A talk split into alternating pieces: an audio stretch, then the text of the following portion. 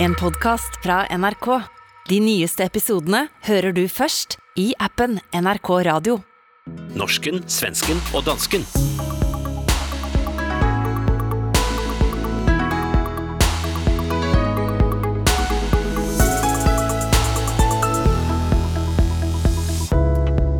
Hvordan blir det egentlig med Sverige og NATO, og oss andre? Hvorfor er det så vanskelig å møte folk vi er komplett uenige med? Og oppleves den norske nasjonaldagen mer politisk etter Ukraina-konflikten?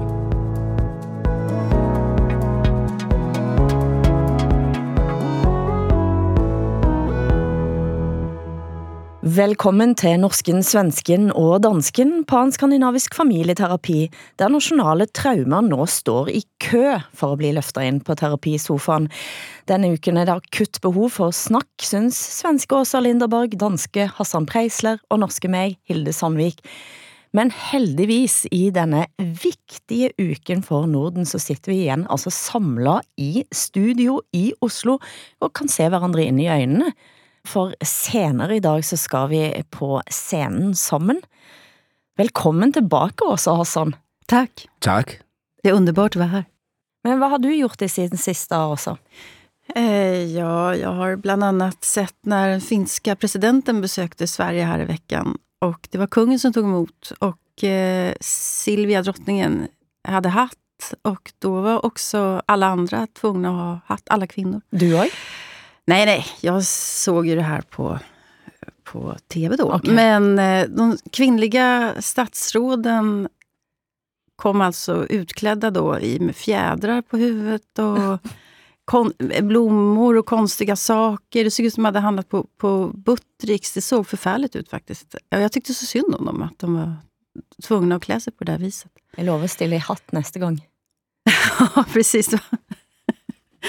Nej, det var, det var ingen vacker syn faktiskt inte.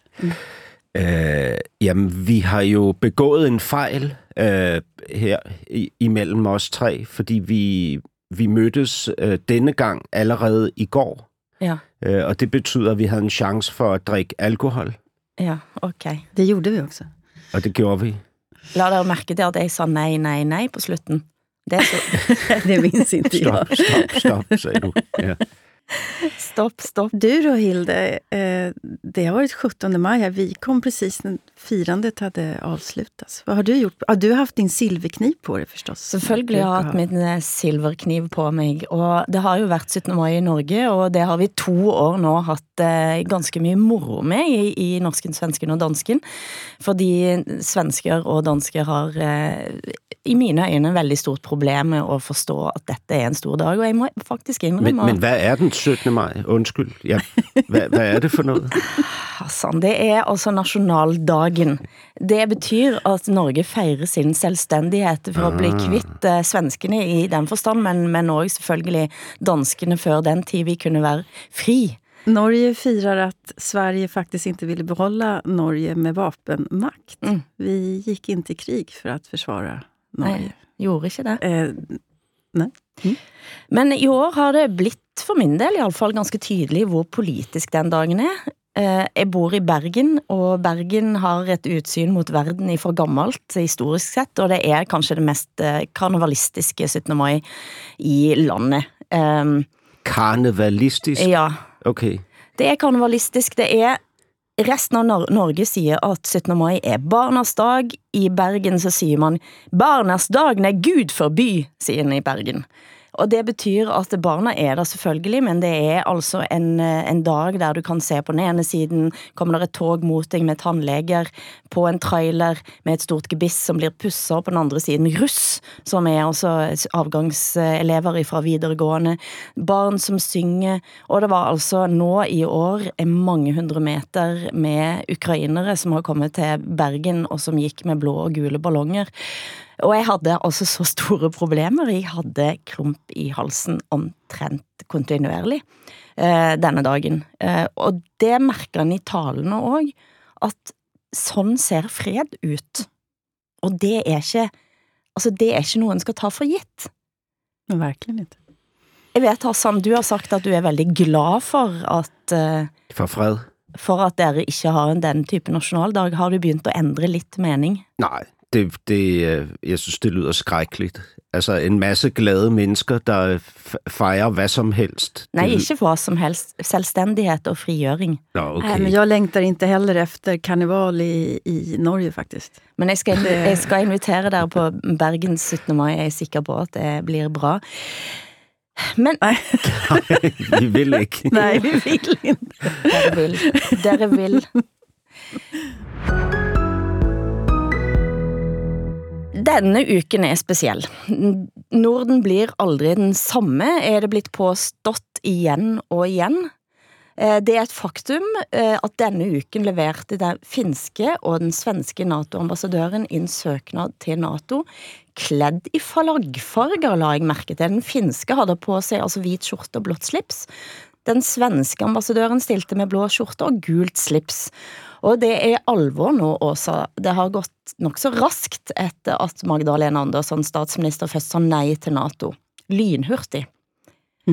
Hva er din umiddelbare rea- reaktion? Eh, ja, det omedelbara är väl att eh, det har gått så fort och att, att Sverige är ett land som eh, där alla springer åt samma håll. Det spelar ingen roll vilken fråga det är, så, så springer alla åt samma håll. Det kan vara metoo, eller det kan vara flyktingar, eller det kan vara pandemin väldigt länge. Och nu ser det NATO. Att det inte har föregått någon, någon diskussion överhuvudtaget. Sverige har blivit ett väldigt auktoritärt land. Där meningsmotståndare, alltså den uppfattning som alldeles nyss var eh, folkmajoritetens uppfattning, regeringens uppfattning eh, decennier tillbaka, är plötsligt, anses plötsligt helt vansinnig. Och eh, de som fortfarande har samma uppfattning som för några veckor sedan, som jag då till exempel, som är emot NATO. Mm. Eh, hela bevisbördan liksom ligger på oss att, att förklara varför det har varit bra att Sverige har varit neutralt och alliansfritt. Men du har engasjert deg i NATO-spørsmål i 30 år, og eh, jeg lurer selvfølgelig på, hvordan kjennes det for deg personligt? Ja, alltså det... Det är väl kanske att det är den sista spiken i kistan för Sverige som ett, vad ska jag säga, den svenska särarten, vill jag ska uttrycka det. Eh, Sverige var länge världens mest jämlika land, det är vi inte längre. Eh, all, hela det här um, kollektivistiska har ersatts av något djupt individualistiskt. Hela den här idén om, om eh, välfärdsstaten har ersatts av någonting annat. Det här är liksom det sista arvet som vi hade från, från 60 och 70-talet var ju alliansfriheten och en självständig utrikespolitik. Och nu har vi inte det heller, utan nu är Sverige ett land bland alla andra i västvärlden. Och det, det kommer att påverka hela vår identitet. Och det är också så att Sverige, alltså Sverige har förändrats väldigt raskt, ungefär 20-30 år, men vi själva i Sverige förstår ju inte riktigt det. Utan, alltså, de här förändringarna som andra iakttar hos oss ser ju inte vi, utan vi lever ju fortfarande kvar i idén om att Sverige är världens mest jämlika, demokratiska, solidariska, självständiga, rationella landet som någonsin finns, moraliskt eh, överstår, som som står över alla andra. Lars Tregård, eh, denne f- eh, historikeren som har skrevet boka Er svensken människa, eh, han kaller, har kalt svensken for statsindividualister. Men det at det kjennes som en del av identiteten, det har du fått støtte for, og fra faglig historisk hold. For å forberede meg til dette programmet så lytta jeg gjennom en podd med forsker og historiker Susanna Erlendsson fra Uppsala universitet i noe som kalles for Bildningspodden. Og den ble tatt opp før Sverige bestemte seg for å søke. Og hun understreker òg det eksistensielle i en søknad fra Sverige. Eftersom Sverige har varit neutralt så länge så blir det en större del av identiteten. Men det är också någonting som medvetet har eh, odlats, särskilt eh, kanske efter andra världskriget, under kalla kriget. Så har det verkligen odlats en konsensus. Det, det, det har lyckats väldigt väl, för det är ju väldigt många svenskar tror jag som, som är väldigt fästa vid eh, neutraliteten av eh, alla möjliga skäl. Podden dykker ned i historien, forhistorien, som selvfølgelig òg angår Norge og Danmark. Men eh, før vi ser bakover i tid, på hvilken måte er det et identitetsprojekt for dig også? Inte för mig, men, men den svenska identiteten har ju i ett par hundra år varit knuten till idén om att vi är ett självständigt land. Mm. Eh, och eh, att vi är ett land som eh, eh arbetar mot eh, atomvapenspridning, att vi är ett land som eh, är solidariska och så vidare. Mm. Och framförallt att vi fattar våra egna beslut. Eh, och eh, den, det är ju slut med det nu då, efter, efter det här. Det är klart att det påverkar oss. Jag tror, jag tror att det i Sverige kommer att bli en ökad, det ser man redan, kraftigt ökad militarism. Eh, och vi kommer att vilja vara bäst i klassen, för det vill Sverige alltid vara. Vi kommer att vilja vara bäst i NATO. Eh, utan att vi säger vilket NATO vi vill ha. Så att nästa gång NATO kommer att rycka ut i en, i en krigssituation, för det kommer ju att komma, så kommer Sverige, det är jag säker på, att vilja skicka trupp allra först. Vi kommer bli en lydstat helt enkelt. Hassan, för det, det är också så vi i Sverige är, nämligen vi ska vara bäst på allting. Det känner vi till. Det känner ni till. Ja, helt klart. Ja. Är det ett identitetsspörsmål för dig med NATO, Hassan? Nej, det er det ikke. Altså, og, og jeg, nu har jeg, jeg har også hørt den podcast, du talte om, og den, den, det var mega interessant for mig at få nogle andre perspektiver på den svenske neutralitet, som jo i virkeligheden kun er en alliancefrihed og ikke en, ikke en reel neutralitet, fordi Sverige har jo faktisk aldrig været mm. neutral på den måde. Men det er mega interessant, fordi i Danmark, der tror jeg faktisk lidt, vi ser øhm, øh, den svenske alliancefrihed som, en, som et ego-projekt, ikke? som i virkeligheden handler om at, øh, at hytte sit eget skin, mm. altså at beskytte sin Absolut. nation, ikke? at sørge for at komme godt igennem krisetider, øh, både økonomisk og politisk. Ikke? Øh, og det, øh, og der, der var det faktisk spændende for mig at lytte til og få forklaret, at det her handler rigtig meget om en, en selvfortælling mm. och en selvforståelse. Ikke? Absolut, visst, visst är det så. Den svenska säkerhetspolitiken har ju gått ut på att eh, Sverige ska avhålla sig från, från krig. Det kan man tycka är egoistiskt, men jag ser också nu att det är det är segrarna som skriver eh, historien om den svenska alliansfriheten. Det är NATO-segrarna nu som skriver om den historien. För om man, alltså Sverige har ju varit neutralt under första världskriget, då hade vi en högerregering. Under andra världskriget när vi hade en samlingsregering. Nu ser jag Hilda att du vill säga någonting. Nej, jag känner mig avbruten här. Nej, du är inte på avbruten på någon nej. måte. Jag sitter bara och tänker att vi trenger att få definierat neutralitet och alliansfrihet, för det är också så vanskliga begrepp. Uh, och, och, och det är, alltså en har varit alliansfri i, eh, i andre verdenskrig, for eksempel. Mm. Uh, og etter, et, altså i 200 år så har en på et vis ikke vært en En har ikke deltatt på siden til någon av de krigende partene. Sant? Det är helt riktigt. Mm. Och, men, men då är ju... Då, om man tittar på alternativet, då, till exempel under andra världskriget. Vad hade alternativet varit mm. till neutralitet? Det hade ju varit att vi skulle ha gått i krig på Tysklands sida. Det fanns ingen annan som förespråkade någonting annat. Utan den här neutraliteten hade ett starkt folkligt stöd. Det fanns fanns faktiskt inget land som gick i krig mot Hitler på grund av solidaritet. USA förklarade sig också neutrala 1939. Storbritannien och Frankrike förklarade Tyskland krig, men det var ju på grund av säkerhet, eller maktpolitiska skäl i första hand. Och inte på grund av att de stod för, stred för högre, högre principer. Mm. Så då är frågan, vad är alternativet? Vi hade kunnat gjort som Finland, krokat i arm med Hitler. Det var ju de krafter som inte ville att vi skulle vara neutrala, hade, ville ju att vi skulle gå in i krig på Tysklands sida. Det hade ju varit alternativet. Som det blev nu, vi fixade och trixade. Vi hjälpte Tyskland väldigt mycket. Mm. Men vi tog också emot judar, eh, danska motståndsmän, norska motståndsmän, mm. eh, finska krigsbarn, balter och så vidare. Så alltid, man kan ju prata om alliansfriheten på, på olika sätt, men man, jag tycker ändå man, eh, om andra världskriget är liksom paradexemplet på att Sverige förde en egoistisk politik, så skulle jag vilja veta, vad hade alternativet varit? Vad säger ni? Vad skulle vi ha gjort? Jamen, det, det kan jag inte altså, jeg kan ikke svare på det, det fordi det er jo Altså, man kan svare på det rent praktisk, og der er jo ikke noget alternativ. Det er klart. Og Nej. så kan man svare på det moralsk, ikke? Men, det, det er jo op til en selv, hvad man ligesom vil vurdere. ikke? Men vad, hur, vad menar du att, vi, att Sverige skulle ha gjort rent Nå, men- moraliskt? Jamen altså, då? det, jamen, Alltså- jeg, jeg mener sådan set ikke, at man skal gøre noget, eller Sverige burde have gjort noget. Øh, jeg, jeg fortæller lidt, hvad den danske holdning har været mm. til Sverige. Altså, der har været i Danmark nok, vil jeg sige, en større forståelse for Finlands situation. Ikke? Fordi hvis Finland ikke havde meldt sig neutrale og indgået en venskabspagt med Sovjetunionen, så var det, altså, havde de i dag været, eller i årene efter var de blevet en del af Warszawa-pakten. Ikke? Så det var deres udvej. Det og det forstår vi.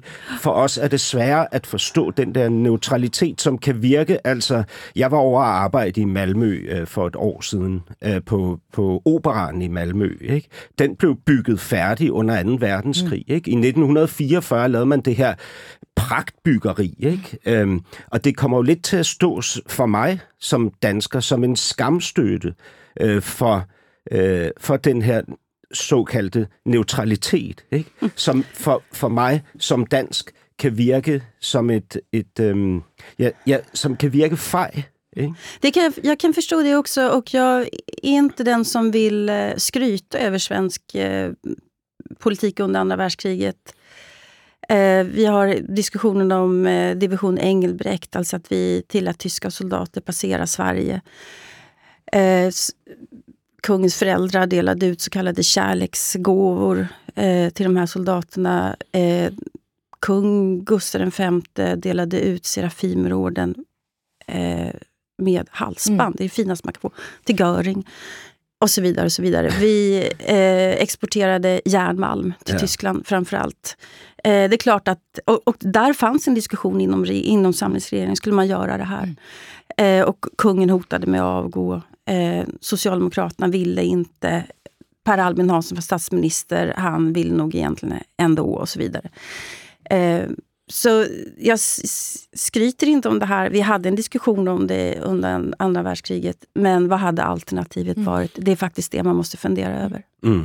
Og så har du fuldstændig ret. Jeg, jeg er sådan set enig i din analyse af, af englændernes og franskmændenes motivation for at gå ind i 2. verdenskrig. verdenskrig. Jeg tror ikke, det var for polakkernes blå øjnes skyld, at man gjorde det. Det, det er jeg med på, at det handlede om magtbalance og sikkerhedspolitik. Ja? USA förklarade sig neutrala samtidigt med Sverige 1939. Där. Helt klart. Og det, og det er vel også derfor, Sverige i dag går ind i NATO. Ikke af loyalitet, mm. men af øh, årsager, som handler om magtbalance og sikkerhedspolitik. Ikke? Altså for, for sin egen Men då kan man ju, då kan man ju då, är det nästa fråga då. Är det så att eh, säkerheten ökar för att eh, NATOs gränser nu löper längs med hela den ryska europeiska gränsen? Det, det är en öppen fråga. Det, vi har ju inget facit på det. Og det, har jo, det sier Erlandsson òg i denne podden, eh, at eh, her har historien òg for mange handla om at Sverige har blitt tryggere fordi en ikke har vært med i NATO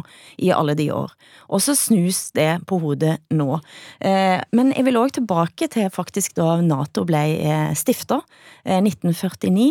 Eh, Danmark og Norge ble invitert av Sverige for å gå inn i en mye tydeligere nordisk forsvarsallianse sammen med Finland den gangen. Eh, fordi at Sverige så at Finland på grensen, altså er, er på grensen til Russland, i, har en, en eh, vennskapspakt med russerne, eh, og at det kan gjøre da at den demmer opp, i stedet for at Finland skulle ligge helt alene, eh, rett og slett i, i en sånn liten buffer eh, mellom oss og, og russerne. Men da sa blandt andet Norge nej. Ja, det var især Norge, Ja. som sagde nej tak, ikke? Som, mm. som opsøgte NATO øh, mest proaktivt på det tidspunkt. Ikke? Det er ret interessant. Ja, Men skillnaden med Norge och Sverige är alltså, i, i Norge har ni haft på 70-talet en starkt uppslitande NATO-debatt som gjorde att väl socialistisk vänsterrätt tror jag, grundades på grund av det där. Mm. Ni har ju helt enkelt diskuterat den här frågan ordentligt. Och det har vi ju inte i Sverige. Utan vi har tagit neutraliteten och alliansfriheten för given. Eh, och sen så plötsligt så går det så fort. Eh, och med starkt känslomässiga argument. Och där det som vi tidigare har tyckt har varit självklart, plötsligt så är det helt fel. Och så ska man omprogrammera alla svenskars hjärnor här nu. Att allt ni har trott på har varit fel. Mm. Men det, men det er jo noe med eh, Det er eh, et sitat fra norske ambassadør, NATO-ambassadør, den første eh, norske ambassadøren i 1949, ikke NATO-ambassadør, men som sier, kommer denne kjente eh, nesten som har blitt et slags lite motto. Norwegians would rather die tomorrow on their feet than live a thousand years on their knees. Det høres ut som et veldig praktfullt uh, ting å ha på en eller annen slags gravstein. Ja. Uh, men, men vi har jo selvfølgelig hatt NATO-debatt, og det har vi jo fremdeles i Norge. Ja, det har ni. Uh, i, i, I Danmark så har venstresiden faktisk nå snudd eh, ja, ja, i synet helt på klart, NATO. ja. Både NATO og EU, faktisk. Ja, det yderste venstre i parlamentet, i, for, i vores folketing. Øhm, enhedslisten har droppet eller parkeret sin NATO-modstand til bedre tider. Mm. Så det vil sige, de arbejder ikke længere aktivt for, at Danmark skal udmelde sig af NATO, og på samme måde har, har de jo indtaget en mere moderne øh, holdning til EU, øh, som de heller ikke vil vil øh, bekæmpe eller ønsker, at vi lige nu skal melde os ud af. Det er meget interessant, ikke? fordi nu er der faktisk øh, konsensus. Altså, øh, vores NATO-medlemskab er i dag at betragte på niveau med, med tyngdeloven. Mm. Ikke? Det er, Men, ja. men är inte det farligt? Att, alltså, är inte Norge det exemplet som vi alla borde eftersträva vara? Nämligen att man diskuterar saker som är, Men som gør, är viktiga gør man på riktigt. det med, med NATO? Di- Diskuterer Säkerhetspo- man... Ja, ni, ni har ju en levande NATO-diskussion i Norge. Det er en levende diskusjon, Ja. men du ser jo eh, hva som kan potensielt skje med et land som ikke er medlem i NATO, men som har eh, vennskap med og allianse med NATO, som Ukraina. Eh, og jeg tror nok det setter ganske stor frykt. Men, men jeg tenker også på de, de historiske tilfeldighetene, for her hører vi altså at i 1949 så er det en stor invitasjon til at vi kan ha en felles nordisk forsvarsallianse. I 1864 så var vi også i en sånn situasjon, eh, der danskene ville at svenskene og nordmennene skulle rykke inn t- selvfølgelig og, og hjelpe til eh, med Dan Danmarks eh, kamp mot Tyskland. Eh, og vi ville ikke. Så vi har avstått altså fra en felles, en mye tettere felles nordisk forsvar, og kanskje ut ifra egoistiske hensyn. Men det har vært tett på, i alle fall jeg, jeg tenker jo at med, med Sverige inn i NATO, så er det en, en annen, eh, en annen mulighet kanskje også for det nordiske, og kanskje det er fullstendig naivt. Eh, Men, eh, men Nor Norge og EU med blir jo da utenforlandet i EU-sammenheng. Noen vil jo ha en like rask prosess med EU Ja. som det svenskene nå har hatt med NATO.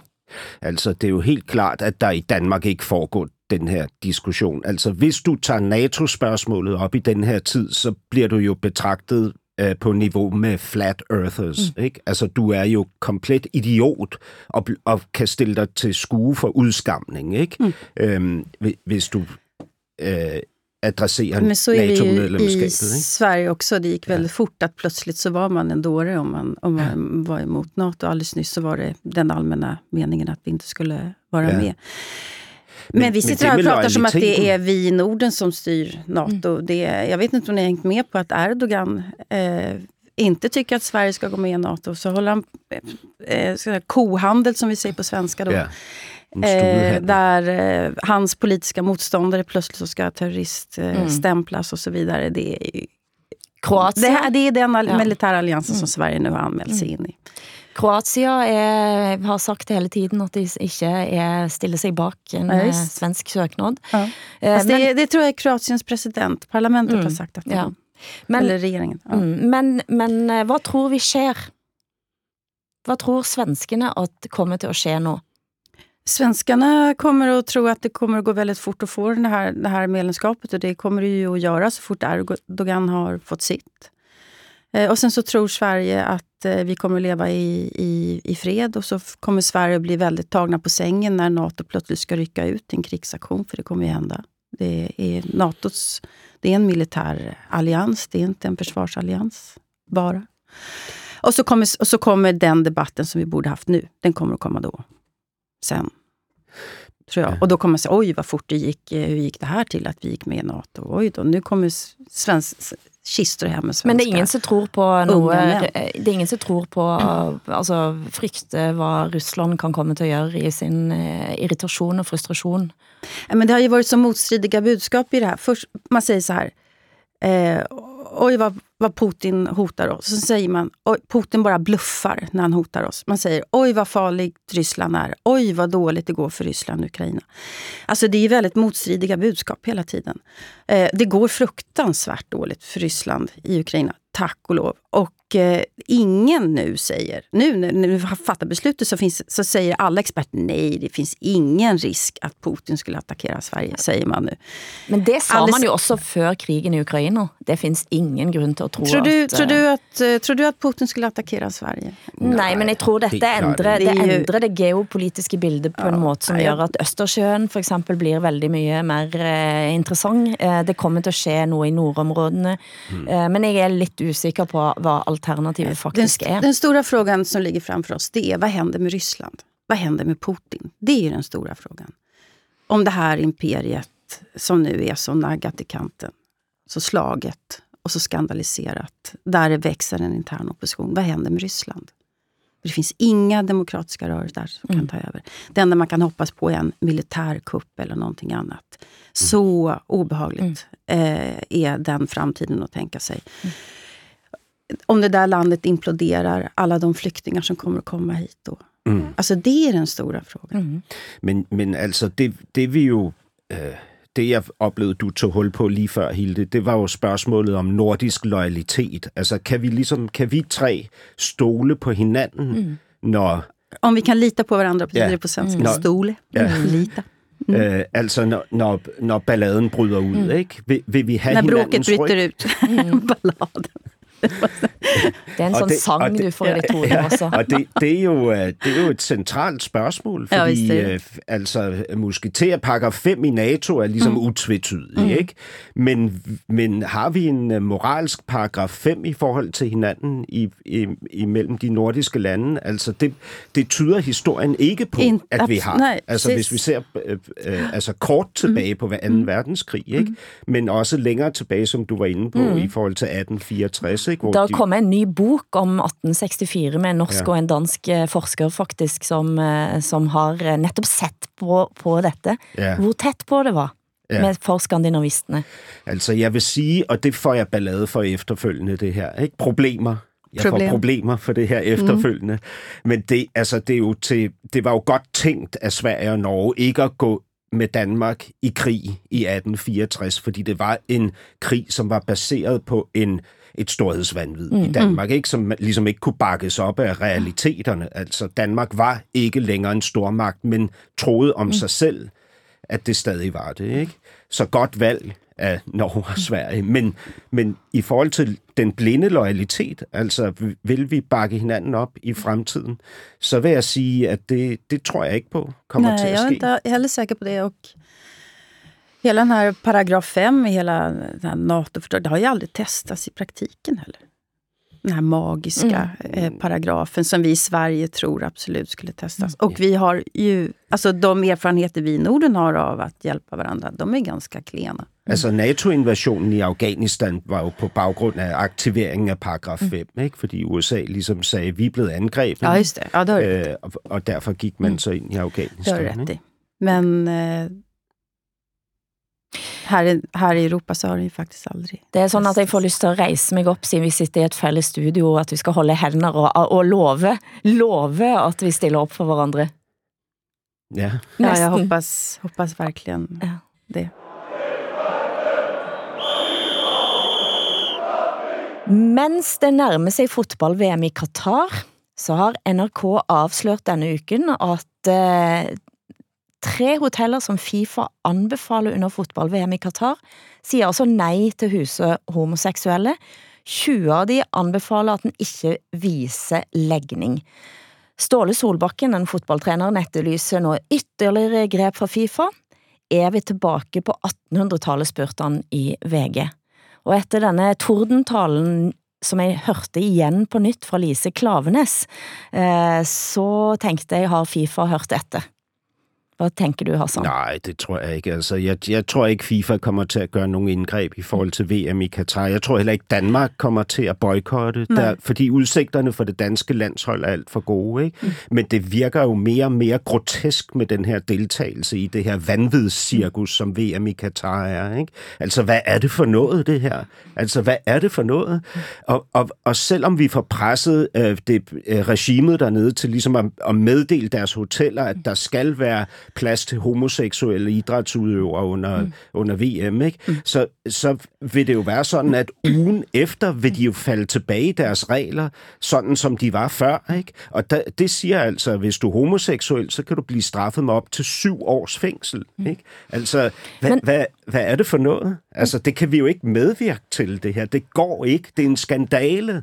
Men det är en lustig fråga det där. Är vi tillbaka på 1800-talet? Jag skulle säga, är vi tillbaka på 1980-talet snarare? För det är Faktiskt. ganska nytt även för oss här med eh, rättigheter att, rätten att älska vem man vill. Så, Ja, fordi det, Det er ikke altså det var så langt kriminalisert til 70-tallet, ja, ja, och det var skambelagt eh, fram tills alldeles nyligen. Det här är inget försvar för Qatar, men... Eh, Men jeg var jo næsten lidt overrasket av at det var så mange hoteller det faktisk var tilladt, eh, hvis jeg skal være helt ærlig. ja, Eh, det, så kan det, man vända på det. Ja. Men, men det var tre hotell uten, og de får nå besked. Um, hva, hvordan diskuteres Qatar nå i Danmark, Hassan? Jamen, det diskuteres ikke rigtigt. Nej. Altså, vi, vi ved, at den er helt gal med Katar, mm. øh, og vi ved, at det moralske er forkert, øh, at vi medvirker til det her vanvid, ikke? men det diskuteres ikke længere. Vi accepterer det, øh, og, og så vender vi os mod, om øh, Danmark kan, eventuelt kan vinde øh, VM. Ikke? Det er jo det, der nu er fokus på. Ikke? Men altså, det, det er skandaløst. Men det altså, snakkes. Det, er- det tænker jeg hele tiden. Det, det blir snakket, og det blir diskuteret, og det lægges press. Ja, men man, ja, og så flytter man ligesom bolden rundt fra DBU til regeringen, mm. til, til, til FIFA og så videre. Ikke? Så der er ligesom ikke, der er ikke nogen, der tager ansvar og siger, mm. vi vil ikke medvirke. Altså, øh, øh, Dansk Boldspilunions øh, formand har været på privat ferie i Katar. Mm. Ikke? Altså, hvad... hvad Men- der, ja. Nej, men jag tänker så här. Alltså, eh, hur många homosexuella fotbollsspelare finns det som har vågat gå ut och säga att de är det? ja, det er ikke mange, men det, der har är, det är inte många. Alltså, det, det, finns ju, det finns ju ett systemfel någon annanstans också i den här diskussionen. Mm. Det är att, det är, att du, är du fotbollsspelare så kan du inte vara homosexuell. Tänk om, tänk om eh, den rörelsen satte igång. Mm. Så skulle det, det skulle verkligen sätta press. Vi vägrar spela i ett land som inte tillåter oss Mm. att vara homosexuella Mm. fotbollsspelare. Ja, det, jo, det kan du sige. Har ni homosexuella i Danmark? Om vi har... øh, som jo hedder Skojar. Som jo hedder homofile på, på norsk. ikke? Ja, det, gud ja. ja. Tänk att de säger homofil i Norge. ja, men Alltså, det kan. Det kan må, ni inte det bliver I fortsätta med. simpelthen stoppe med at sige. Ja. Altså, I Danmark, der vil det blive kaldt H-ordet, ikke? Og det vil blive forbudt. Det er et forbudt ord. Man kan ikke sige homofil. Hilde, när du säger homofil så Hassan och Jag jag bara himlar med ögonen. Jeg sa homoseksuell nå. La dere mærke til det. Jeg tørte ikke noe annet. Jeg, jeg former mig totalt efter omgivelsene. Men, Men- apropos norsk gak-gak, ikke, så er hvad hedder det, den, den norske fantastisk dygtige fodboldspiller Erling Braut Haaland nu blevet solgt til Manchester City. Ikke? Og det, det er jo også mm. kuk-kuk. Fordi Manchester City er jo ejet af nogle af de her... Øh, arabiske vanvidsledere også, ikke? Øhm, altså, øh, øh, hvad hedder det, fra, fra, Sheikh Mansour fra Ja, fra Abu et- Dhabi. fra et helt tosset ja. regime, ikke? som undertrykker og fængsler mm. og, og alt muligt. Altså Manchester City er en klub, man ikke burde have noget med at gøre overhovedet. Hvorfor, hvad er det, der sker med fodboldverdenen og det her? Det har jo skjedd over 10 år, og du har, jeg tror det var russiske Abramovic, eh, som var den første som begyndte at pushe ind alle de store pengene, og, og eh, Chelsea, ikke? Chelsea, og nu er, altså, og, og eh, Braut Haaland, han skal da få, jeg tror det er fire millioner kroner i uken for å spille fotball der. Og det betyder jo at det er noen som er... Er det så meget? 4 millioner? Jeg tror det er det. I Okay, uken, så, ja. så havde jeg også sagt ja. Det må jeg sige. Jeg ser på deg nå, Hassan, at Ja. det er mulig du hadde gjort. Ja. Men, men det er allikevel interessant da. Eh, VGs eh, sportskommentator Leif Welhaven, han eh, tok opp dette begrepet sportsvasking i en kommentar. Og sportsvasking, det skjer altså når stat stater arrangere eller sponse store idrettsarrangementer, klubber eller organisasjoner for å avlede oppmerksomheten vekk fra menneskerettighetsbrudd som staten kritiseres for, og det var Amnesty Internationals eh, definisjon, og de har vært også ute og advart eh, Braut Haaland, eller Haaland, eh, som han jo selvfølgelig kalles. Men, men det, Welhaven skriver noen ting om sportsvasking på ulik temperatur, altså, å og at den største temperaturen og den største, altså liksom hvitvasken, Altså kogevask. det, den store vasken, det er liksom de største arrangementene, og at VM er liksom hovedvasken. Det vaskes alt mulig slags ting.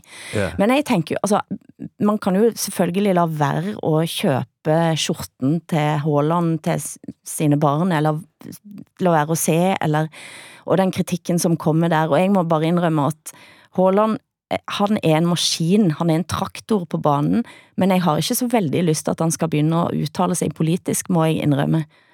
Eh, hver gang han gjør det, så går det på en måte litt galt. Ja, jo jo.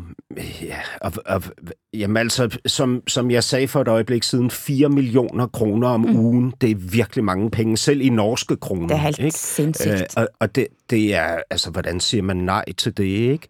Og, og, og på et, i en mindre skala, ikke? Jeg har jo tænkt mig at boykotte VM i Katar. Jeg har ikke tænkt mig at købe nogle trøjer til mine børn, og jeg kommer ikke til at se de kampe på tv. Va? Är du säker på Med det? mindre, Det kommer jag at det begynder at gå rigtig, rigtig godt for Danmark. ja, nettopp. Ja. Og, og, og, og sådan er det jo. Ikke? Jamen, sådan er det jo. Altså, hvad hedder det? Det er jo, det er jo så effektiv en boykot er, ikke? Det er jo kun til grænsen af min egen malighed, at jeg har tænkt mig at, øh, at udleve den. Øhm, Altså, men är det, er, ja, ja, men folk, det är så mycket man måste bojkotta. Man ska, alltså, det är inte så att inte våra länder har affärer med de här staterna. Alltså, Sverige exporterar vapen till de här länderna. Alltså, det, og det verste er jo når du å se på hva, eh, hva man kan egentlig gjøre. Man kan heller ikke gå inn på store kunstmuseer, for eksempel.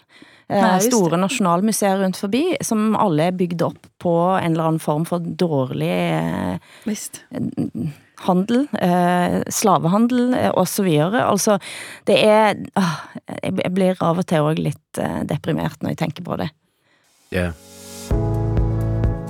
Du hører norsken, svensken og dansken i SR, DR og NRK. Men nettopp dette. I høst er det valg i Sverige. Og i den forbindelse har SVT lansert programmet Åsiktsbubblan. Du vill bestämma över min kropp. Nej, jag vill Jo, inte du vill bestämma över din kropp. kropp. Det är inte jag jag som vill det. I Åsiktsbubblan. Släng av dig offerkoftan, ta bort den där rådjursblicken och kamma till. Två grupper med helt olika åsikter. Som inte har en aning om att väggen som skiljer dem åt snart försvinner. Fem av de viktigste valgspørsmålene diskuteres av velgerne selv, men med en twist. Deltakerne som er valgt ut, de brenner for sitt eget synspunkt på den ene siden av eh, dette spørsmålet, og de er plassert i to grupper. De kan være for vaksiner eller mot vaksiner, de er klimafornektere, eller de tror vi er på vei mot verdens undergang. Og i begynnelsen av programmet så sitter de i studio sammen med sine meningsfeller. De vet bare ikke at meningsmotstanderne sitter i et studio få meter unna. Og midt i programmet så går det en vegg ned, og de må møtes. Går det an å forstå mennesker med meninger en selv avskyr? Jeg hørte om dette programmet første gang på podden Alex og Sigge, som er jo en av Sveriges eh, største podder, og jeg ble superengasjert. Eh, det var som et, slags live-laboratorium av alt jeg holdt på med i hele mitt eh, voksne liv. Alltså jag har aldrig sett ett bättre porträtt av multiverset. Därför att vanligtvis så ser man ju liksom bråk på sociala medier. Vi ser bråk mellan folk bråkar.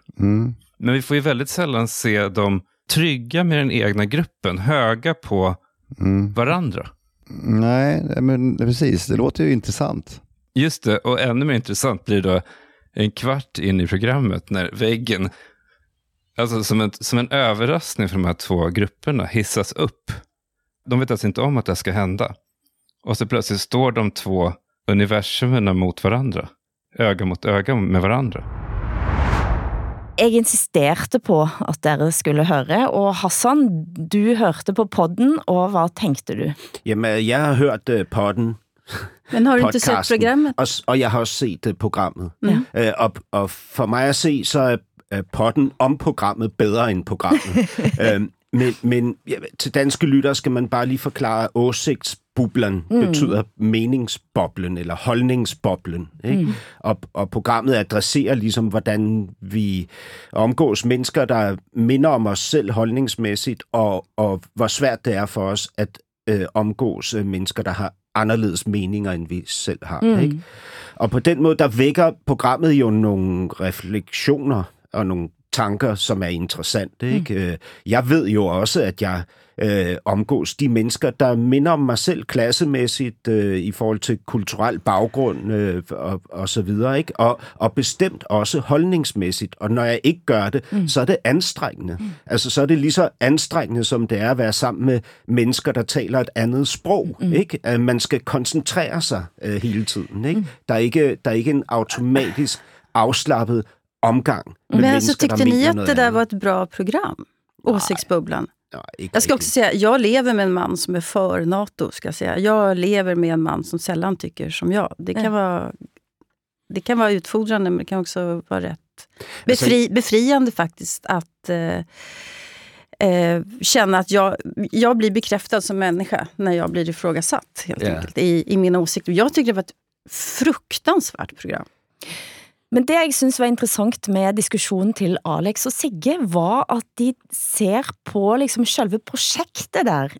To sider møtes, Eh, og i programmet om klimafornektere så, så har vi en, en seanse på slutten, fordi det som skjer etter at de har diskutert hver for seg, så havner de i en boble, og så går de i strupen på hverandre, og så ender man ut med å drikke champagne og spise sammen. Og, og åpenbart så skal denne spiseseansen føre dem tett sammen, eh, og de skal kunne eh, bli enige på vei ut. Og det sier jo også noen i programmet om klima, at jeg trodde jo at alle kom til å ende ut med at vi visste At hva jeg som var har rett. Og så er det også en som tror var økolog, eller noe sånt, Mm. biolog kanskje, student, eh, og som sa at jeg, jeg, jeg blir forvirret, ja. ja, jeg blir forvirret av at eh, man ikke kan, altså, man, tror, man, man må tenke rett.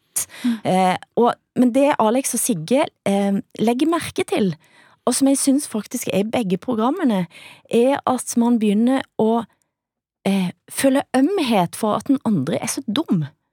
Altså i stedet for at man lar seg liksom få, få et eh, Nå er jeg blitt nyansert, selv om faktisk den ene i dette programmet om klima, som er en kvinne på en sikkert vår alderaktig, og, som, og som sier at eh, jeg har fått noen andre tanker i løpet av dette programmet. Og det er jo alltid min motivation, at man kan alltid få nogle nye tanker. Ja, men, men man definitivt. så også i programmet, hvor svært det er. Ja. Fordi øh, vi, vi er så sindssygt flokorienteret, som vi er, så bliver det en form for forræderi, når mm. en ligesom viser sig at, at begynde at vakle i sin, hvad kan man sige, tilslutning til flokken, sådan som hun gør. Ikke? Ja. Og de tre øh, andre i den flok reagerer jo helt tydeligt fysisk, når hun begynder at række ud mod de andre, og de gør det også i deres Mm. kommentarer. Hun ikke? var ikke en del av oss, bliver det sagt. Ja, ja. Hon, hon kanske inte riktigt var en av oss. Og det, det illustrerer jo for mig meget, meget Mm. mm. tydeligt, hvor svært det er, Mm. det der med at forlade en flok, som baserer sig på sine fælles holdninger og meninger. Det var det enda jag tyckte var intressant med, med det där. Men jag måste säga, Hilde, när du säger att det här är det jag har hållit på med jämt, eh, Mm. försökt, så tänker jag, nej Hilde, du är på en helt annan nivå. Än, Mm. än att, att göra ett sånt här program som heter Åsiktsbubblan. Det er jeg enig i, men det jeg tenker på, som jeg har holdt på med, er jo nettopp den er, Jeg har en um, ibodd ønske om at folk skal kunne møtes eh, fuldstændig på tværs. Ja, ja. Eh, og være uenige og kunne diskutere, og alt skal kunne lægges på bordet. Det gör ju vi här. Og så kan man skifte mening. Og jeg, har, og jeg mener, nå har vi snakket om flere saker der folk har skiftet mening. Eh, en- enhedslisten i Danmark, eh, NATO-spørsmålet i, i, i Sverige, men så er det litt sånn det individuelle nivået da, som er vanskelig når man selv må skifte mening. Jeg har med to eksempler.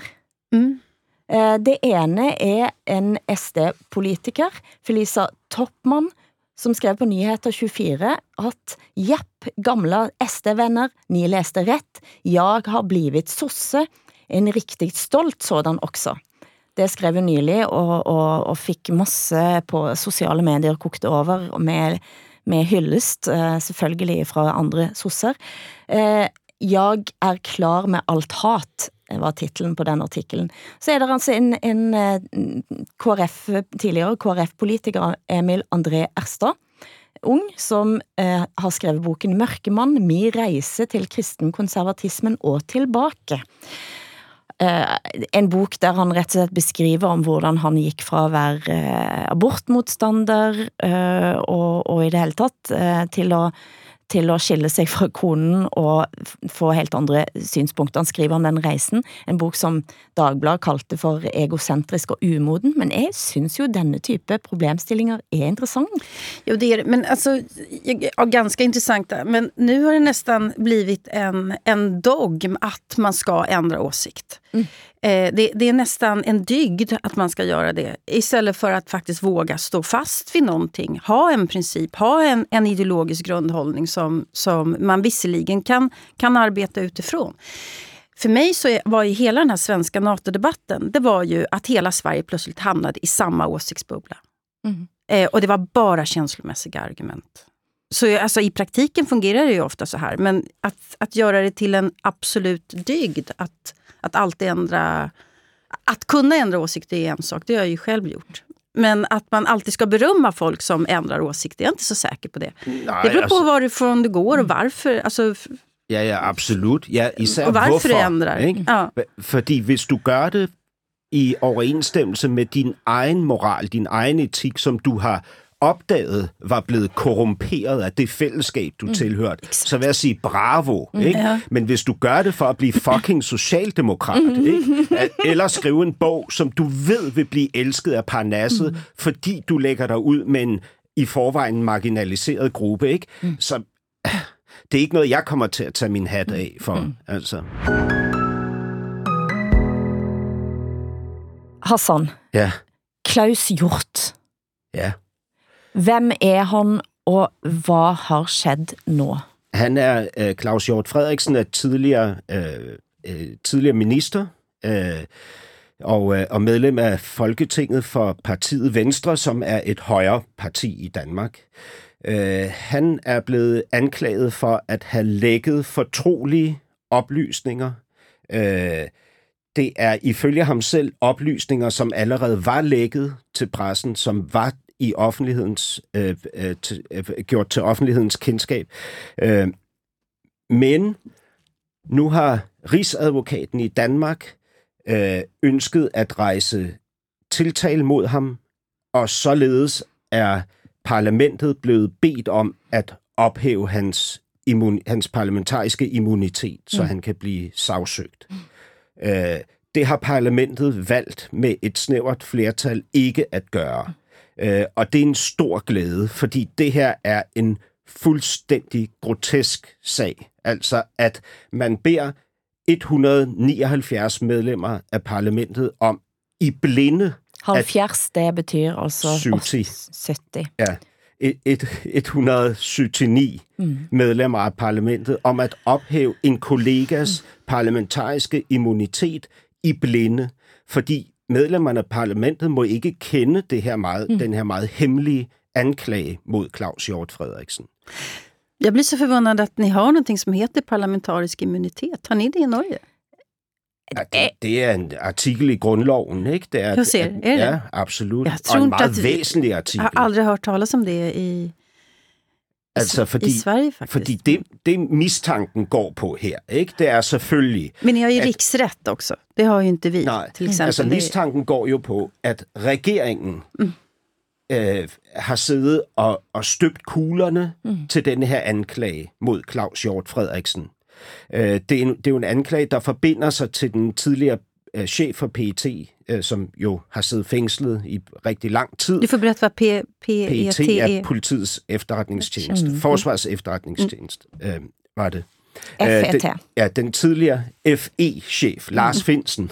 Mm. øh, øh, ja, shit, jeg kan mærke mine tømmermænd. Nej, men det, det är ju krångligt det här med alla förkortningar och Ja. att det är lite annorledes i Danmark än hos oss. Och, Ja. Men, men det, är- det är ju som Men en John le Carré immunitet er jo sindssygt vigtig, fordi roman. nu går anklagen jo på, at regeringen har siddet og støbt kuglerne og bedt øh, Rigsadvokaten rejse den her sag mod Claus Hjort Frederiksen i et projekt, som i virkeligheden er et hævnprojekt mod Lars Finsen på grund af nogle tidligere magtkampe, der er foregået inde i Justitsministeriet for en del år siden mellem Lars Finsen og Barbara Bertelsen. Ikke? Mm. Det er spekulationerne, det her. Ikke? Og det er jo derfor, man har den parlamentariske immunitet, det er, fordi man ikke skal kunne fængsle et medlem af oppositionen, Mm. øh, med mindre der, at, at øh, immuniteten ophæves. Mm. Mm. Ikke? Fordi ellers så kan regeringen jo sådan set gøre, hvad den vil med sine, øh, med sine øh, mod, politiske modstandere. Men denne, denne mistanken om at uh, regeringen er indblandet av Mette Fredriksen, uh, der er flere saker der Mette Fredriksen nå dukker under, for at bruge et sånt ord. Og nægte at sige om hun er indblandet. Og når jeg brugte ordet dukke under, så er det jo helt og pun intended. Mette Fredriksen nekter å svare på om det var hun som anmeldte eh, brenning av en dukke som ligner på Mette Fredriksen under en, eh, en covid-demonstration. Ja, netop. Øh, man kan sige i forhold til den her øh, efterretningssag, som involverer Claus Hjort Frederiksen, så kan regeringen jo ikke udtale sig i den her tid. Mm. De må jo ikke sige noget om den her fortrolige sag. Men, men, øh, men det er rigtigt, mistanken går også på, om det er øh, Mette Frederiksen eller nogen i hendes apparat, som ligesom har rejst tiltalen mod den her borger, der sat ild til en dukke med hendes øh, billede påklæbet. Men hon har Øh, nio liv, Mette Fredriksson. Alltså hon, eh, hon vägrar svara på den frågan. Hon, hela minkkommissionen. Alltså, vi har hållit Ja. på med Mette Fredriksson Alltså hon hotar en chefredaktör, alltså, alltså, så- hon, alltså saker som inte skulle vara möjligt för en statsminister i Sverige eller Norge, vågar jag hävda, kan hon hålla på med. Ja, og det, altså det, det man jo kan sige er tosset omkring det her, det er, at vi bliver jo mere og mere paranoide mm. Mm. i forhold til vores Ja, det er statsminister. klart. vi forestiller os alt muligt om hende, ikke?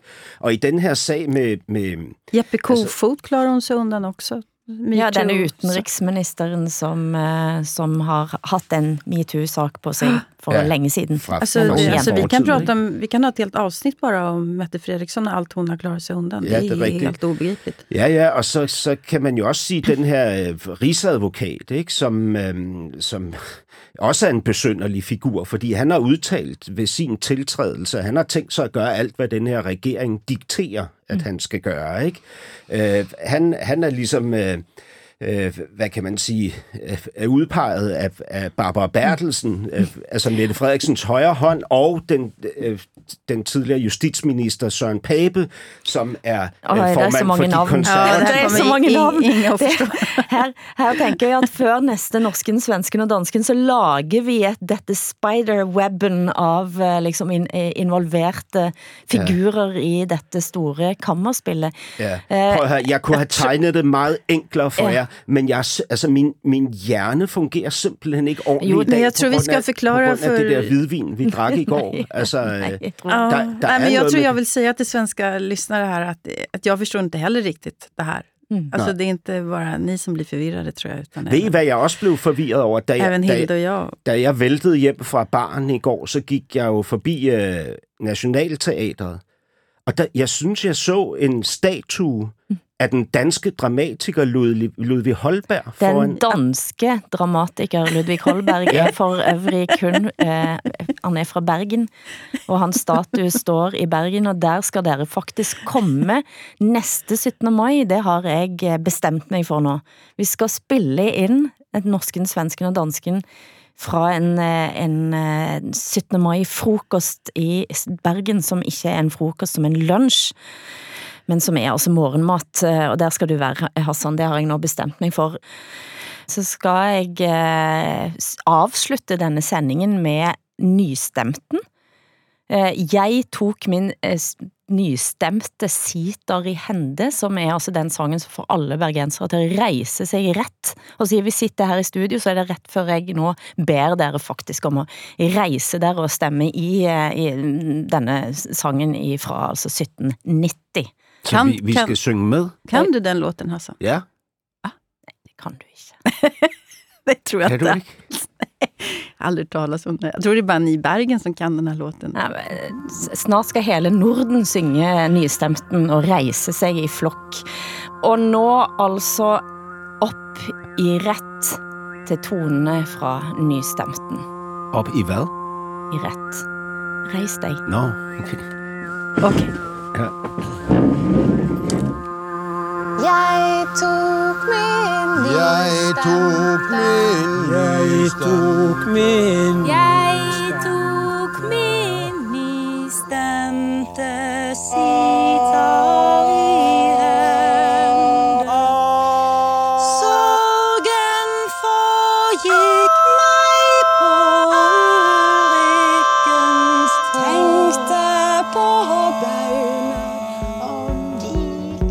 Produsent har vært Eskil Paus, tekniker Hans Christian Heide, takter som Preisler, Åsa Linderborg, jeg heter Hilde Sandvik, og vi sitter också i samme studio i Oslo.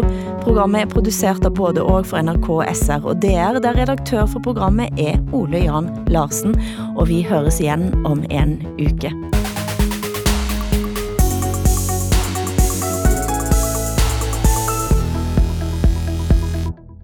Du har hørt en podcast fra NRK. De nyeste episodene hører du først i appen NRK Radio.